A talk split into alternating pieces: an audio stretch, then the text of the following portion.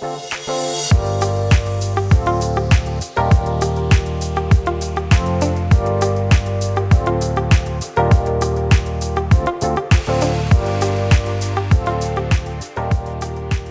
välkomna till eh, ett nytt avsnitt av Högräntepodden, faktiskt avsnitt 24. Det är jag som är Stefan Westfeldt. Gustav Andåker. Lars Möller. Ja, och idag blir ämnet eh, onoterade högräntor. Ja, ni hör ju själva. Det brukar vara spännande här men nu lyfter vi det verkligen en, minst en nivå till. Kanske ett ämne som vi har behandlat lite för lite. Ja, kanske. I alla fall mot bakgrund av eh, det intresset och den tillväxten kanske i marknaden och den performance också dessutom som, som det här segmentet i finansiella marknader har, har gått igenom under de sista kanske tio åren sådär. Så det är väldigt kul att få prata om det. Vi ska dessutom prata om Insurance Linked Securities och i synnerhet om så kallade CAT Bonds. Och det får vi presentera sen, men vi kommer tillbaka till det. Vad det Det har är. ingenting med husdjur att göra. Men, och vi kommer komma tillbaka till detta. Och, och, och dessutom är det så då att inte, inte bara är det så att kanske förhoppningsvis de här ämnena är väldigt spännande att prata om. Vi är jätteglada för att ha en gäst med oss idag. Patrik från AP2, så vi är väldigt glada för det. Eh, välkommen Patrik! Tack så mycket. Patrik, du ska få berätta om dig själv såklart och vad du gör och så, men Patrik har eh, ansvaret på AP2 och har jobbat med onoterade krediter under, under lång tid, sen, kanske sen ni började rent av, och, och sen dessutom då varit och fortsatt är aktiv inom det som är, vi kallar för catbonds då, alltså försäkringslösningar mot katastrofiska eh, events, liksom, alltså stormar och annat då, som vi återkommer till då. Men eh, välkommen Patrik, väldigt kul att ha dig här. Tack. Nu brukar vi ju framhålla då hur litet det är Göteborg är så vi ser ju nästan bort till dig Patrik. Så, så nära sitter ju du här på tvåan så, så vi är lite av en familj på plats idag så det är väldigt kul. Kanske kan prata lite inledningsvis Patrik om dig själv, bara vad, vad du gör igen då, då lite grann kring på fonden och vad du gjort innan dess och sådär. Tack så mycket. Jag började på Andra AP-fonden 2015 eh, som ansvarig för manager selection på allting som vi gjorde på den publika sidan. Eh, sedan med åren så har vi kommit att dra ner mer och mer på det. Eh, men vi har istället expanderat på andra områden då. Eh, och ett sådant är onoterade krediter eh, där vi började investera 2021. Eh, efter att vi fick förändringar i lagstiftningen som, det. eh, som eh, guidar oss. Så vi fick legala möjligheter att börja investera i onoterade krediter och eh, då fick jag ansvaret för den portföljen. Mm, spännande. Jag tänkte bara en kort uppföljning på den poängen där som du gör lite att AP2 liksom de, flera av de andra AP-fonderna är nog min erfarenhet var lite tyngre och lite större i likvida hedgefonder tidigare men inte alls i samma omfattning nu med då. Men eh, bakgrunden där skulle du säga att att de här två frågorna hängde ihop, det vill säga dels någon form av kostnadsfokus och eh, kanske en tid av eh, en historia där, lite sämre utveckling på de publika hedgefonderna och sådär som ledde in mot det här också eller? Eller är det huvudsakligen den här liksom, lagändringen som trädde i kraft då, då som, som drev på här eller? Det var nu i huvudsak det senare. Eh, Jag skulle säga att på, på AP2 så slutade vi investera i hedgefonder någonstans runt 2007-2008, alltså klart eh, långt innan jag började på fonden. Ja, okej. Ehm, Men däremot investeringarna i onoterade krediter, det hade sin grund i, eh, i, lags, i förändringarna i lagstiftningen. Ja, det. Eh, Det vi gjorde då när jag började på fonden 2015, eh, då hade vi en del externa mandat på till exempel globala aktier, aktier i tillväxtmarknadsaktier, tillväxtmarknader. Eh, Vi gjorde en del kinesiska A-aktier också som ju i och för sig är ett lite mer komplext, komplex förvaltning. Eh, Men med tiden så har vi kommit att dra ner mer och mer på det. Ja, spännande. Men, men eh, vissa lyssnare kanske inte riktigt förstår det här skillnaden mellan noterat och onoterat och så. Vad, vad skulle du då säga? Är det, är det mindre bolag som är, gör onoterade mm, högräntor eller är det, är det, är det, kan det vara både och? Mm, ja, det är en jättebra fråga eh, och det är båda delarna. Eh, vad man har sett nu under det senaste året här, det är ju att eh, den onoterade marknaden har, har tagit marknadsandelar av det, det som man kallar för eh, den stora syndikerade lånemarknaden. Då. Att, eh, eh, att eh, företag som har bedrivit sin upplåning där istället har valt att vända sig till den onoterade sidan för att finansiera sig. Så det kan vara både och helt enkelt. Absolut. Men när man köper en, eh, en högränteobligationsfond vanligtvis så är det ju, består den uteslutande av noterade obligationer och när man ser eh, bolag, Stena och andra lite kända emittenter i Sverige så är det ju oftast noterade obligationer som man, man gör. Sen kan de göra en private placement och det kan vara också onoterat. Men, eh, men så man förstår lite grann vad det, vad det handlar om eh, mm. som ja, lyssnare här. Mm. Jag tänkte också på det, du, Patrik, jag tänker du som har varit både på noterat och onoterat. Jag tror kanske att du känner igen följande. Det pågår en, en eh, never-ending power struggle mellan de som, de som företrädesvis tror att noterat är det enda, enda möjliga alternativet kontra de som menar att det är onoterat. Och, och, och med det liksom som pendang då så, så, så vad, hur tänker du eller eventuellt fonden som helhet här? Vad, vad är det som AP2 då, då söker och, och kanske då får i, i olika typer av avkastning och riskegenskaper i onoterade krediter som ni kanske då inte tänker er att ni kan få i, i listade marknader då? Ja, framförallt så får vi ju en likviditetspremie. Det ska vi ju åtminstone i teorin få. Eh, och det är en premie som passar oss som investerare väldigt bra eftersom vi som en AP-fond då har ganska goda möjligheter att kunna förutse våra in och utflöden för ganska lång tid framöver. Eh, och det är inte särskilt många andra investerare som, som har de möjligheterna.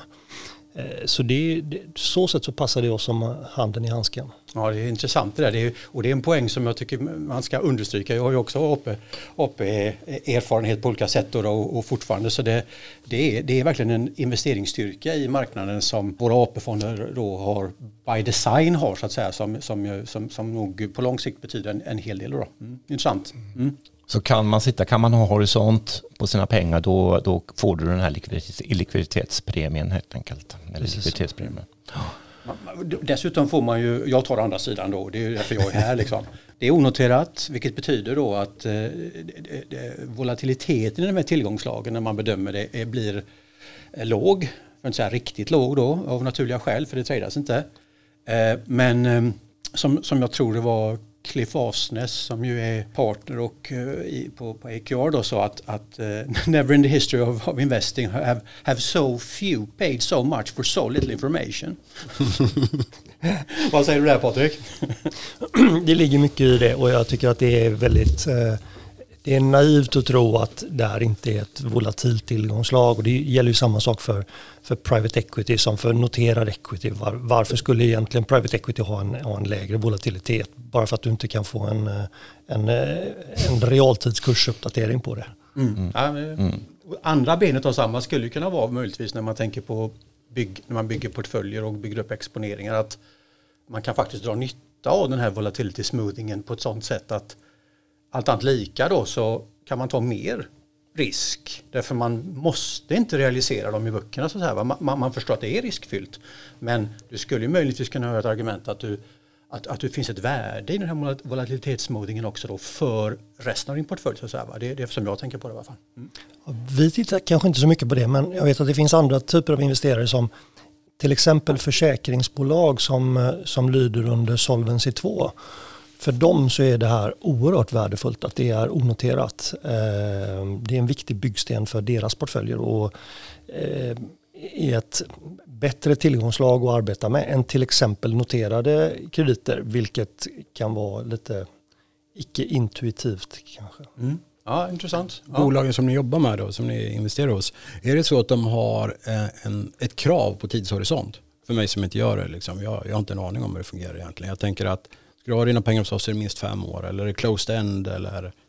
Ja, fonderna är ju oftast tidsbegränsade då, att man har en investeringsperiod på vanligtvis tre till fyra år och sedan ett antal år för run-off eh, på portföljen. Då. Eh, och I eh, fallet med onoterade krediter så blir ju det här enklare än vad det är för en traditionell private equity-fond där det är upp till till, eh, till förvaltaren att bestämma när det är dags att sälja tillgångarna. I en kreditfond där, där, förfaller de ju med naturen så att Naturligt. säga, om allting går som det ska. Mm. Mm. Mm.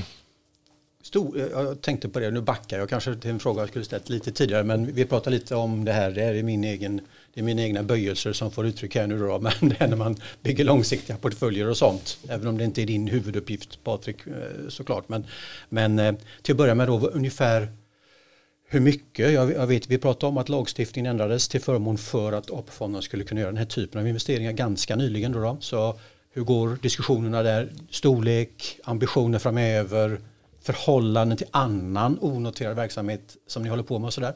Vi har idag en exponering mot onoterade krediter på ungefär 2% av vår portfölj, vilket då i, i grunda slängar blir, eh, blir 8 miljarder svenska.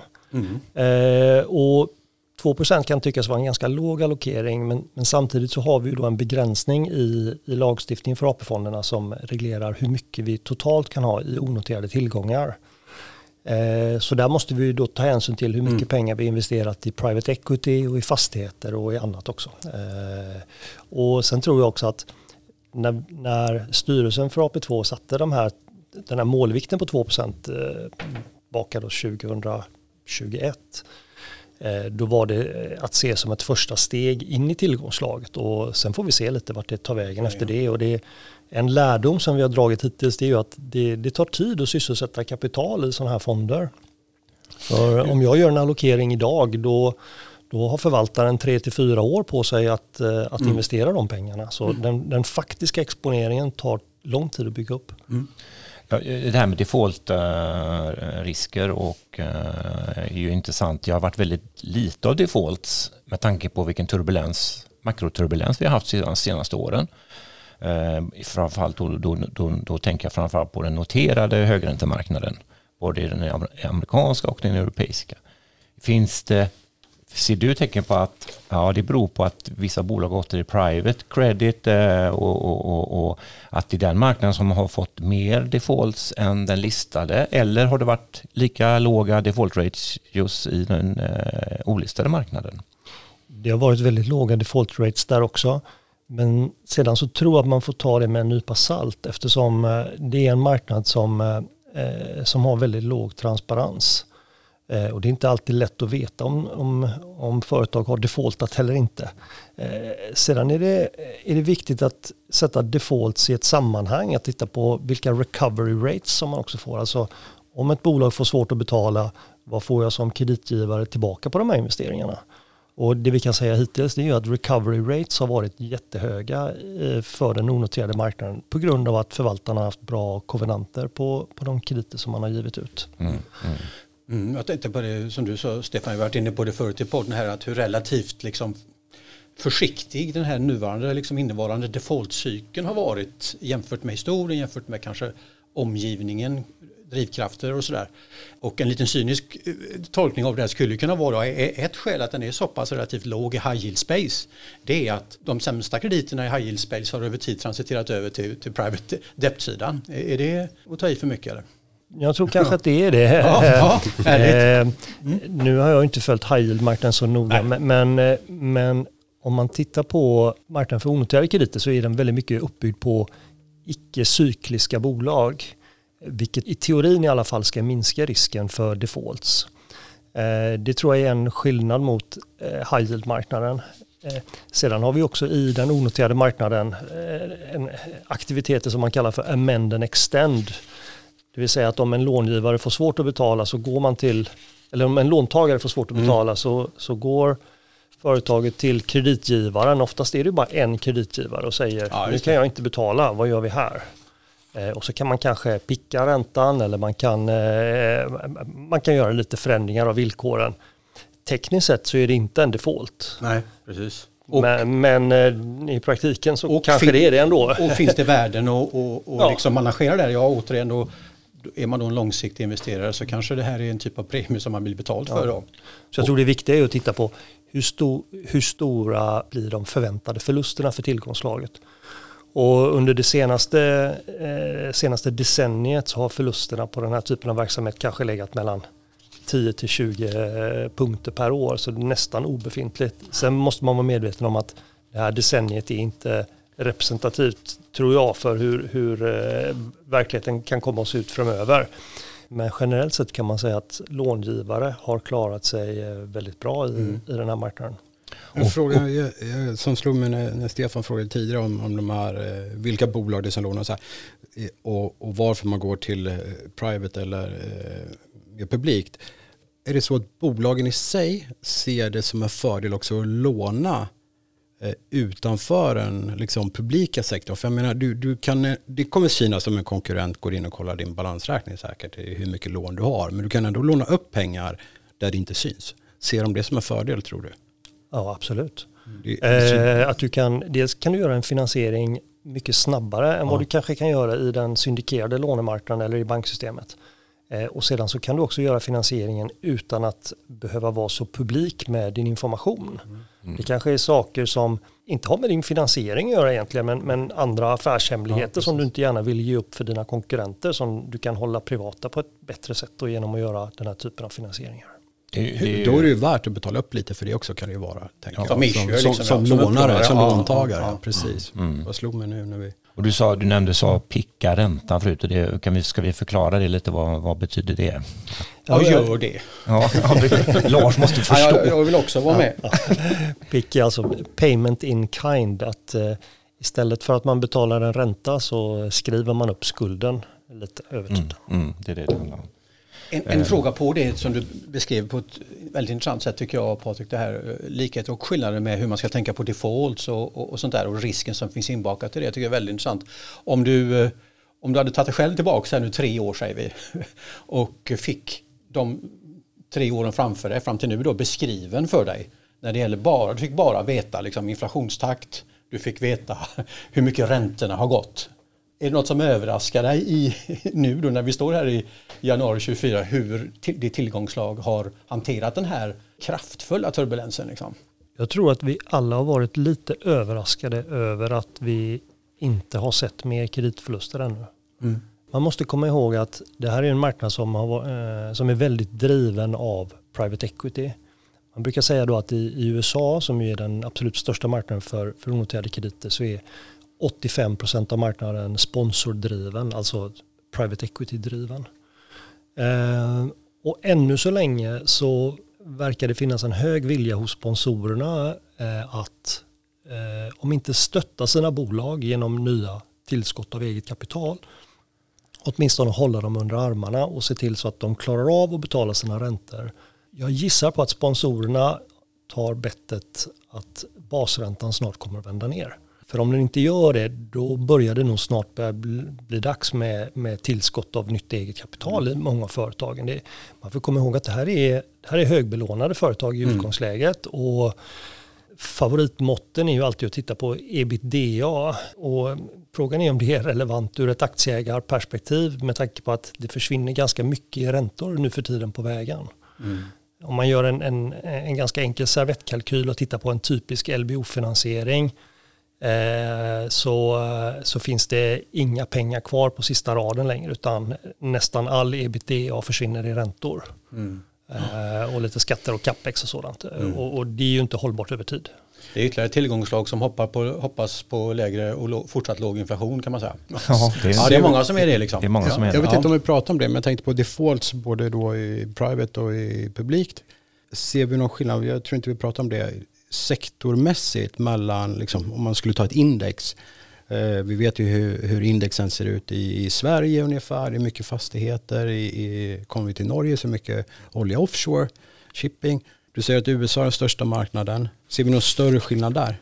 Teknologi är en jättestor sektor. Teknologi och hälsovård man vill gärna göra icke-cykliska sektorer mm. just för att man ska kunna lägga på mycket leverage. Mm. Om man har ett bolag med, med hög operationell risk, en eh, oljeproducent eller vad det månde vara, så är det kanske inte lämpligt att samtidigt lägga på mycket finansiell risk. Då. Mm. Men har du en bolag med mer stabil intjäning, då ska det i teorin fungera bättre.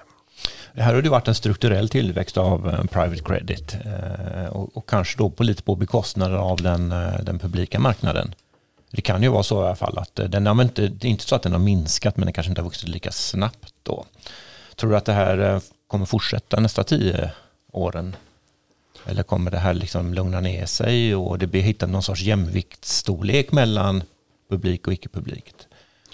Jag tror att tillväxten kommer att fortsätta. Eh, under året som har gått så har det varit väldigt drivet av att CLO-marknaden i princip har varit stängd i USA. Eh, vilket har lett till att bolag som tidigare använt den syndikerade lånemarknaden inte har kunnat göra det i samma utsträckning och varit tvungna att söka sig till den privata marknaden. Mm. Men jag tycker att det finns goda argument för att tillväxten ska fortsätta även framöver. Nu har vi sett sista månaderna, CLO-marknaden har börjat vakna till liv igen. Mm. Men samtidigt så, så tror jag att vi ser på banksystemet på ett nytt sätt nu än vad vi gjorde för bara ett år sedan innan Silicon Valley Bank. Banksystemet har strukturella utmaningar som eh, kommer ta tid att lösa tror jag. Som en viktig motor här är ju eh, som sagt det här, en del av det här var ju som sagt kickade ju igång, alltså marknaden för sådana här onoterade krediter kom ju delvis som en reflex av den reglering och åtstramning av bankers risktagning som följde i hälarna på eh, finanskrisen väl. Mm. Precis så. Det, det här var en marknad som egentligen inte fanns innan 2008-2009. Det var då den började ta fart när den här typen av finansieringar blev omöjliga att göra i banksystemet. Mm. Då flyttade de till den privata marknaden istället. Mm. Jag, jag, jag googlar ju lite på det här med private credit och jag är ju helt inne i den publika marknaden. Vad var det du Jag, trades och, ja, du vet, jag kan ju nästan ingenting om det här men vad som poppade upp var ju uh, dels det här nu att nu skulle europeiska myndigheter uh, börja reglera och man, man vill till exempel begränsa hur mycket leverage man får lov att använda i en private credit fund och så vidare. Känner du också att det här är någonting som är nödvändigt och riktigt eller är det onödiga tilltag? Jag tror att det kommer. Mm. Oavsett vad man tycker och tänker om det. Eh, för det, det är ju ett tillgångslag som har fått mycket uppmärksamhet under de senaste åren. Eh, så det är naturligt att tillsynsmyndigheter vill titta på det här också. Sen så tycker jag att risken är betydligt lägre i den här typen av eh, investeringar. Normalt sett så investerar vi i obelånade fonder mm. och det, det tenderar att vara det som europeiska investerare går för. Medan amerikanska investerare däremot, de vill jättegärna lägga på leverage i fonden också. Eh, och då har man kanske, eh, eller vanligtvis har man en turn leverage ytterligare i fonden. Och i sammanhanget så är det fortfarande inte jättemycket skuldsättning.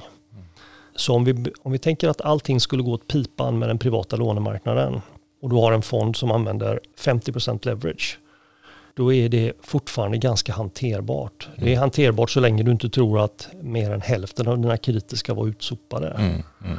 mm. Och det är klart att om, om tillgångslaget historiskt sett har haft förluster på kanske 10-15 punkter per år så framstår ju 50% som ett ganska aggressivt estimat. Mm. Kan, kan vanliga människor, nu, nu, nu jobbar jag ju för en firma som heter Vinga, här gör vi en del olistade obligationer men eh, kan en vanlig eh, sparare komma åt den här marknaden eh, via fonder på Nordnet och Avanza och sånt där? Det finns inga egentliga fonder som går att investera i. Det här är ju, det här är ju stängda fonder mm. eh, som ofta har liksom minimigränser som ligger långt över vad, vad svenska privatpersoner har möjlighet att investera i.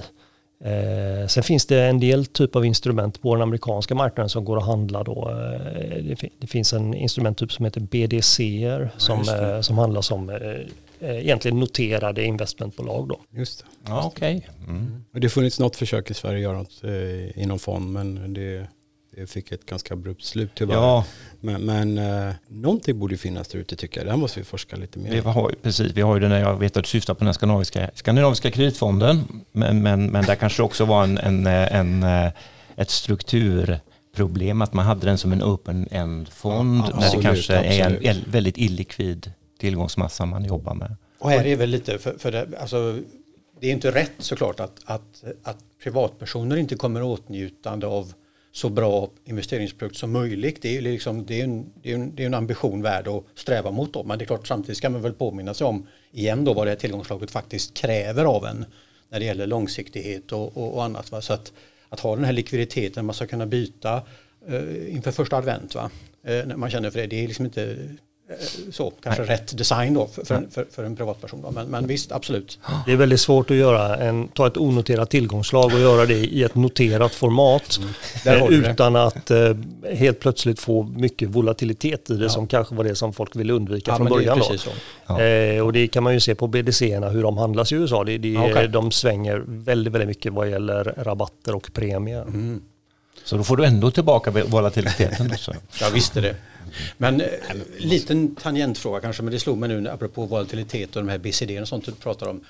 På, på private equity-sidan så har det ju länge funnits eh, institutionella och andra produkter som syftar till att liksom replikera en diversifierad private equity-portfölj upp till en viss punkt då. Till exempel i den mån det finns en likviditetspremie så kommer man ju förstås inte åt den i en sån replikering. Då, då. Men, men det finns ju ett antal olika produkter och ansatser runt det där då.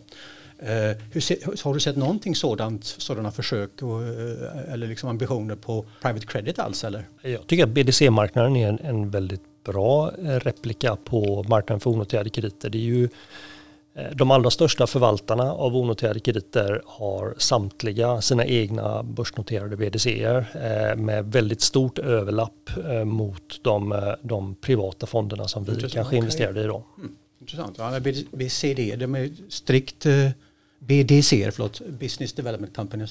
De är, det är en strikt amerikansk produkt va? Det finns, liksom det, ja precis, den, ja. den, skapades egentligen för att eh, utnyttja en lucka i den eh, amerikanska skattelagstiftningen då, där, ja, okay. där företaget i sig inte eh, beskattas utan att all beskattning sker hos ägarna då på ja, de pengar som betalas ut.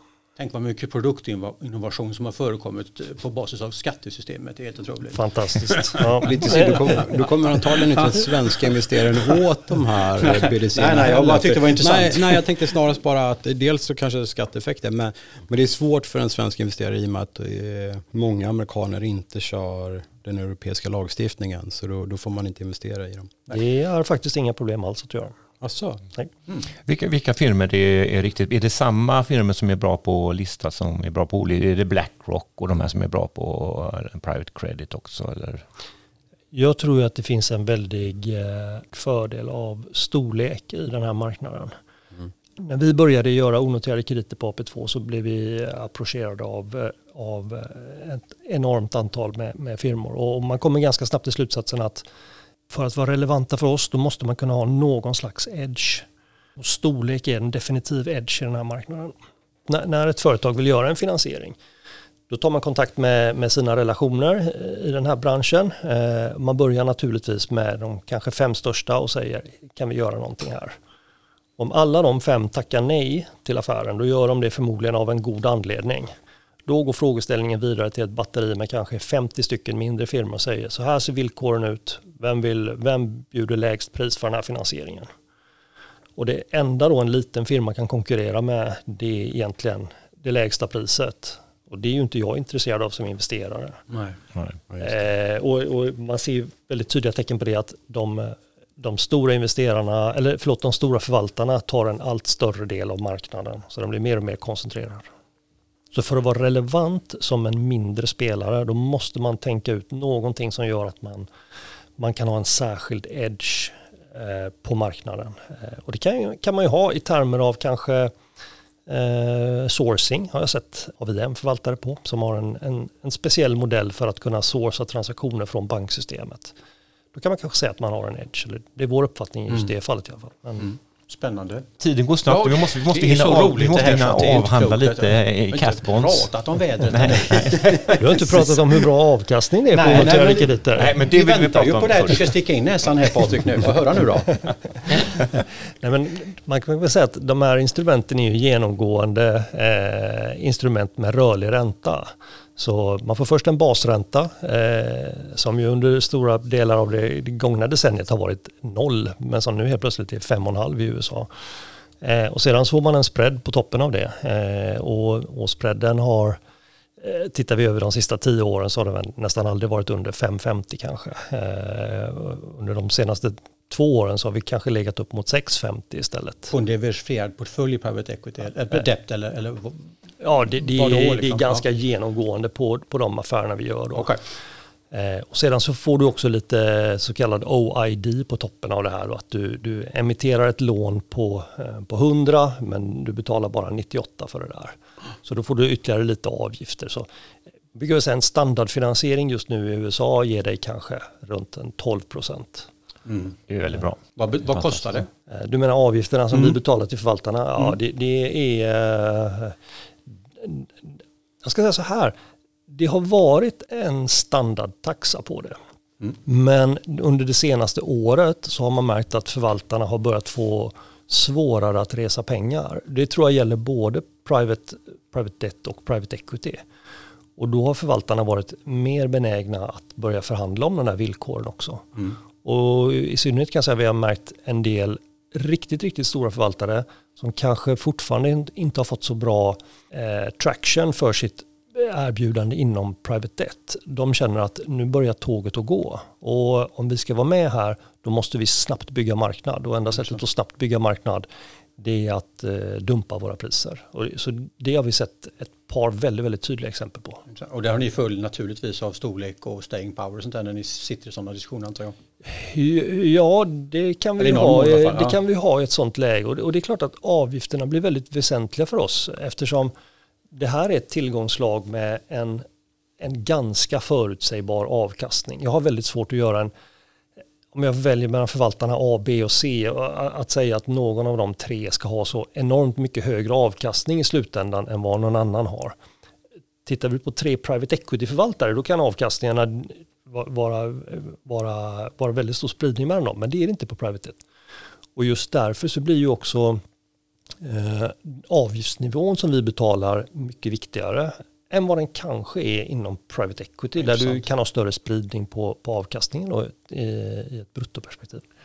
Ja, men det är jättebra avkastning, alltså 12 procent om man tittar på den amerikanska high yield-marknaden. Den noterar du då, där snackar vi med kanske 8,5.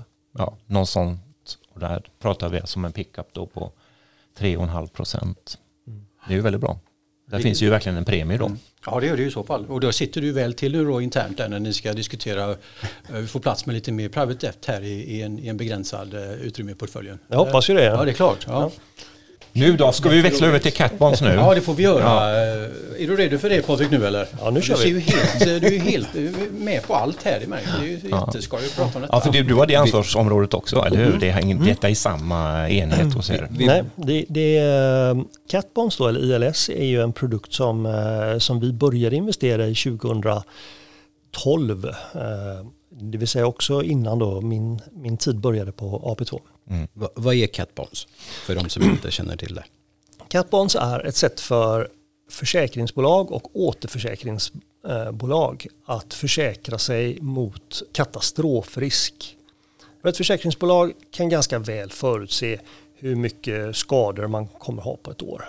Men sen vissa år så inträffar det jättestora naturkatastrofer som gör att skadorna skjuter i höjden. Och det vill inte försäkringsbolagen ha såklart mm. ur, ett, ur ett eh, resultatperspektiv. Så då köper de försäkring mot olika typer av eh, naturkatastrofer. Och där är vi med som investerare då och delar risken med försäkringsbolag och återförsäkringsbolag. Så typiskt skogsbrand eller eh, vattenmassor, alltså vad heter det på svenska? Jag tappar det helt. Översvämningar. Det heter vattenmassor. Ja, tack. men, men översvämningar och orkaner och liknande. Det allra största eh, eventet som, eh, som den här marknaden är uppe på är amerikanska, amerikanska stormar. Mm. Det är över 70 procent av hela catbondmarknaden. Sedan finns det lite andra events också. översvämningar är en sån, det kan vara skogsbränder, det kan vara jordbävningar.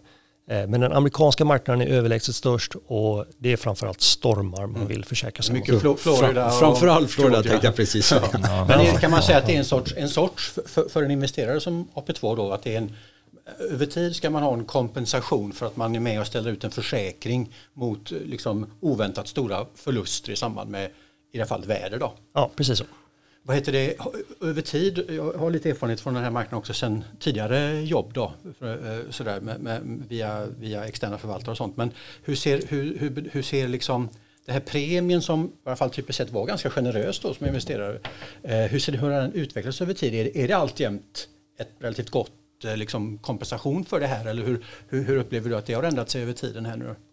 Ja, vi kanske ska börja med att förklara då hur premien är uppbyggd. För den avkastning, ja, ja, men den avkastning som man får från en catbond den, den består först och främst av en basränta. Då, så det här är också instrument som, precis som onoterade krediter, har en, en rörlig ränta i botten. Eh, därutöver så kommer tillkommer en, en spreadkomponent.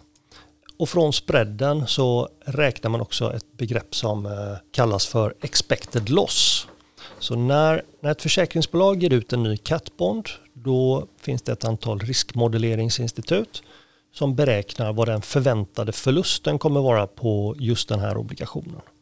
den förväntade förlusten det är ett, eh, ett, egentligen ett ganska binärt begrepp. Den brukar ligga mellan 2 till 3 procent, vilket betyder då för enkelhets skull, om vi säger att en, en obligation har en expected loss på 2 procent, då kan man tänka som, som att under 49 år av 50 så kommer den här obligationen att vara helt skadelös. Då kommer inte det här, eh, den här händelsen att inträffa.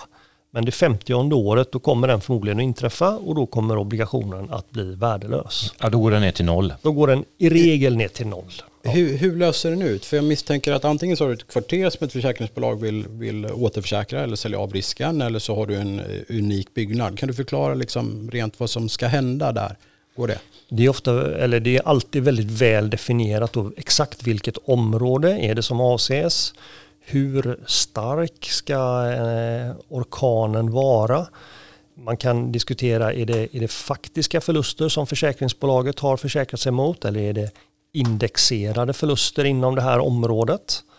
Eller det måste ju vara väldigt väl definierat då så att det inte blir någon diskussion i efterhand om vad var det som vi egentligen försäkrade oss emot. Kan det, kan, finns det också som trancher att man tänker sig, jag bara hittar på ett exempel, en miljon dollar är kostnaden för den här eh, skadan och jag tog den första risken och så tog du till exempelvis den andra risken att eh, hur ska jag förklara det? Men att det är trancherat så att jag har den första halva miljonen. Så om det bara blir en halv miljon i kostnad, då går det bara på mig. Och du som hade den övre delen får bara om den går över en halv miljon.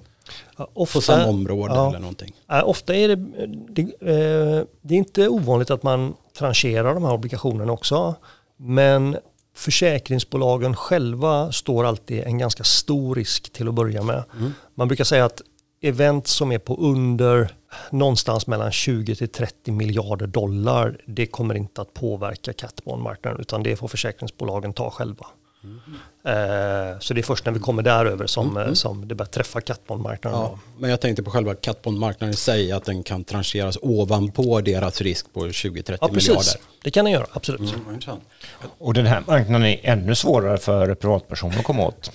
Ja, det, det, det, det, är den. Ja. Eh, det fanns en svensk förvaltare som gjorde det här för ett antal år sedan men mig, mig veterligt så eh, är de inte i branschen längre. Nej, nej. En, en, typ av invändning som jag har hört mot catbonds eh, som är lite ny som man inte hörde tidigare som jag, bara, som jag tycker bara är intressant det är liksom att och jag tycker den är liksom misplaced va för egen del men att, att man på något sätt liksom genom att köpa catbonds, alltså som investera i och, och ställa ut en försäkring så att säga, så är man liksom på fel sida om klimatarbetet. Att man liksom på något Aha. sätt eh, underwrite liksom eh, fortsatt, eh, for, riskerna för fortsatt dåligt väder via klimatförändringar och sånt. Då. Ja, du hör ju vad lite jag kan om det här. Men på, på, riktningen på risktagandet är ganska tydligt här. Är, är, är det en diskussion som, som du känner igen och i, och i så fall har ni den internt?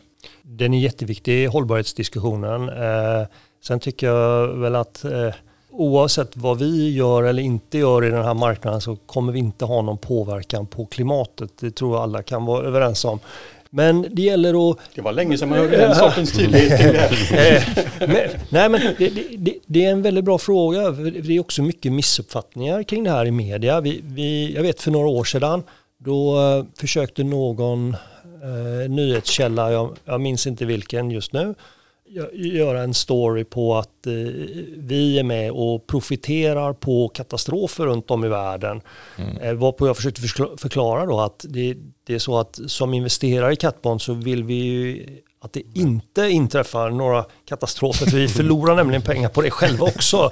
Så vi är helt på samma sida här. Mm. Eh, vi har diskuterat vilket, vilken eventuell påverkan kan vi som investerare ha ur ett hållbarhetsperspektiv genom att investera i, i ILS.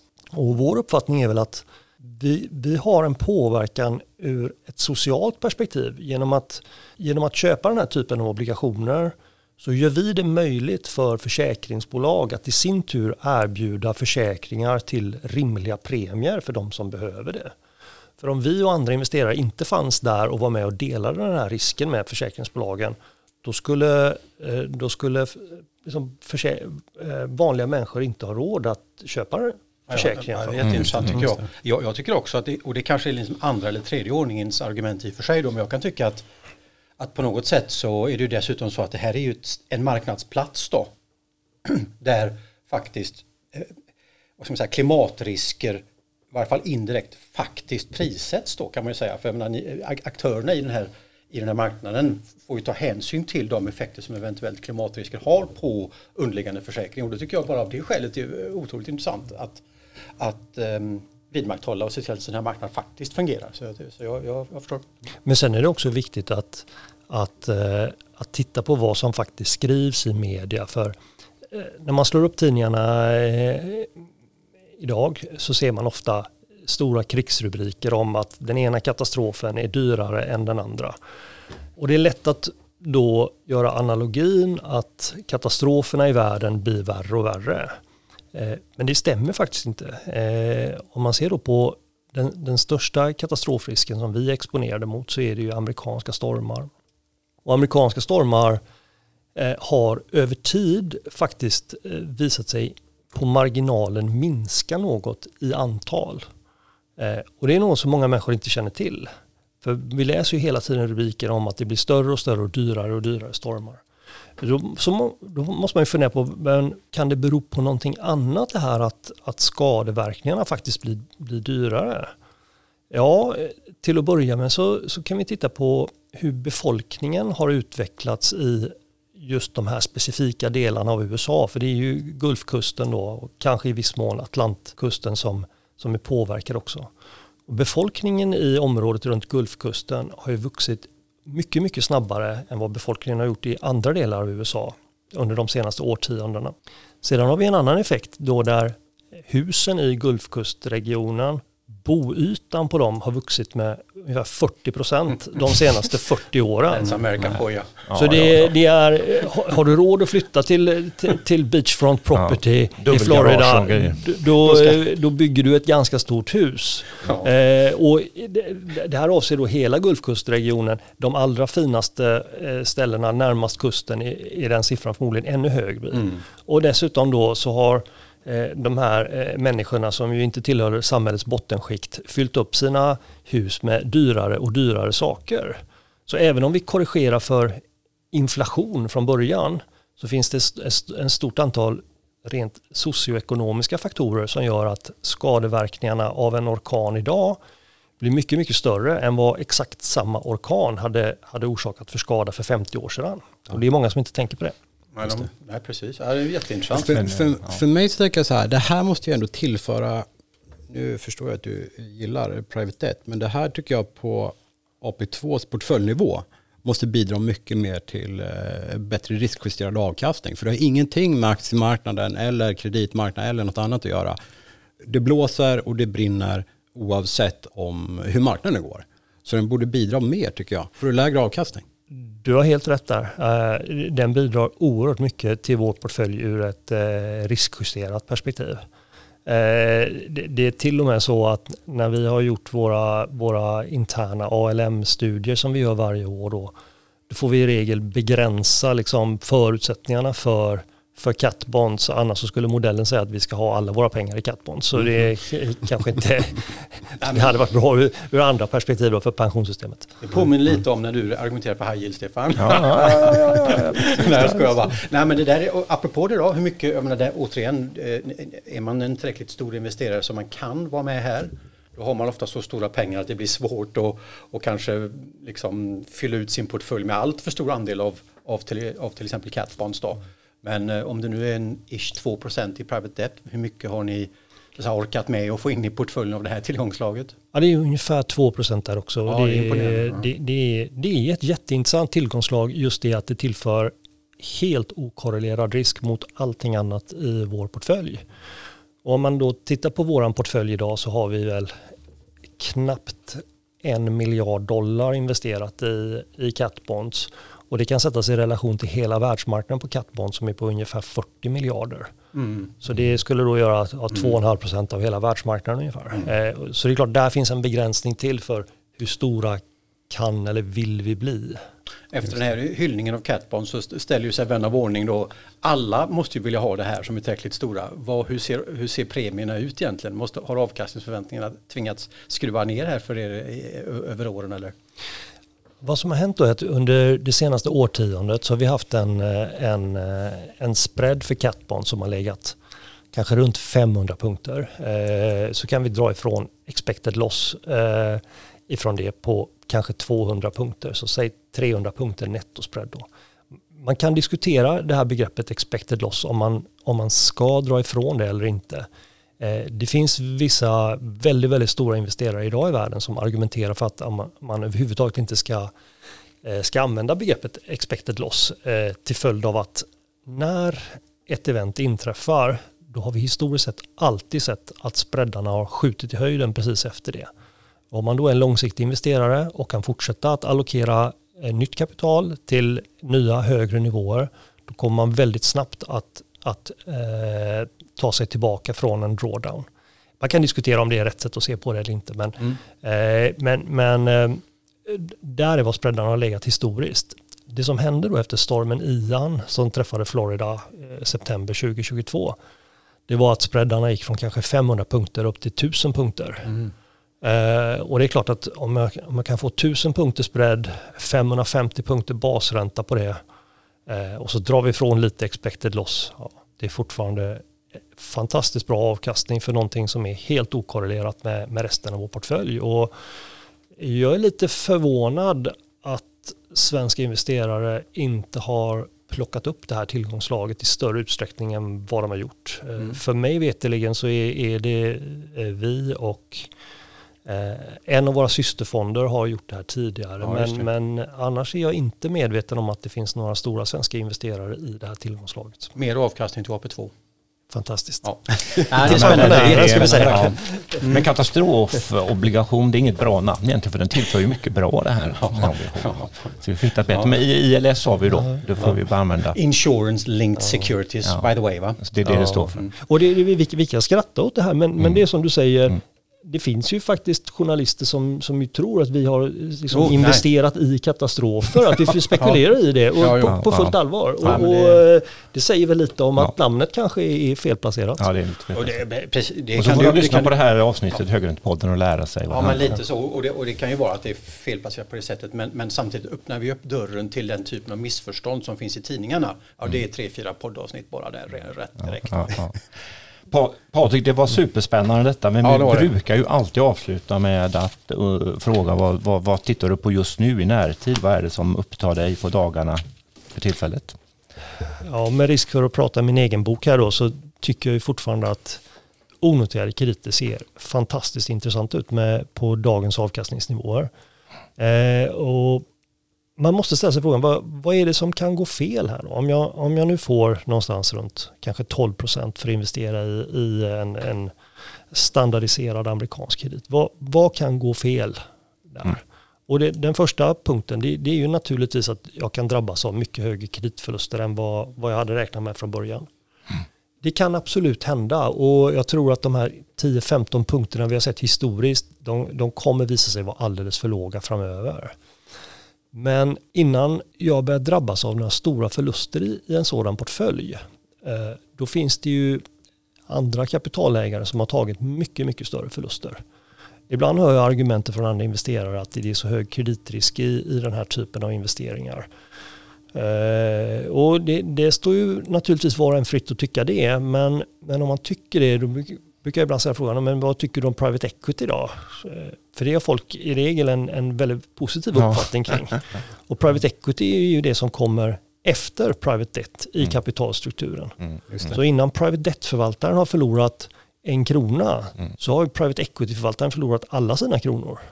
Ja, och, eh. och, och med 12 procents avkastning per år så tål du en del defaults dessutom. Exakt så. Exakt så. Det, det, är den stora risken. Liksom. En, en, annan risk är ju att marknaden helt plötsligt tvärvänder uppåt och, och aktier och obligationer och, och allting annat är i ropet igen. Och mm. det kan ju absolut hända. Mm. Men då, då får man ju tänka på att den risk jag står i det läget, det är ju så att säga, utebliven alternativavkastning. Kommer fortfarande uppnå ett bra resultat med den här portföljen ändå om jag inte har ett alldeles vansinnigt högt avkastningskrav från början. Finns det någon historik på recovery ratios på, på de här? Det varierar väldigt mycket från, eh, från eh, jag ska inte säga till för, från förvaltare till förvaltare, utan mer beroende på, är det stora bolag, är det små bolag, är det, är det sponsrade transaktioner eller inte? Mm. Men sen tror jag i ärlighetens namn också kanske att datasättet är lite för litet ja. för att dra några stora växlar mm. på det. Men, eh, 15 år av goda, goda år. Ja, ja men, men det finns ju också exempel. Titta på en förvaltare just nu där, där vi just studerar på vilka defaults de har haft historiskt sett. Eh, de har haft fyra defaults som jag minns rätt under de sista 15 åren på en portfölj på kanske 160 krediter. Mm. I ett av de fallen förlorade de pengar. I de andra tre fallen så slutade det med att de tjänade mer pengar än vad de hade lånat ut från början. Mm. Man tar över nycklarna till bolaget och säljer det, det som Det var inga defaults, det var bara en default. Det, det, ja, ja, men precis. Det är på tekniskt sett fyra defaults men, men du förlorade bara pengar i ett av fallen. Mm. Patrik, ja. tack så mycket. Superspännande. Stort tack. Tack själva, kul att vara här. Det är jätteroligt att ha dig här. Ja. Tack. Nu ser jag nästan hur folk reser sig ur, ur stolarna och springer ut i Skapa Adept här. Va? Ja. Ha det tack så mycket. Snart igen. Hej då. Hej, hej. Tack, hej. hej.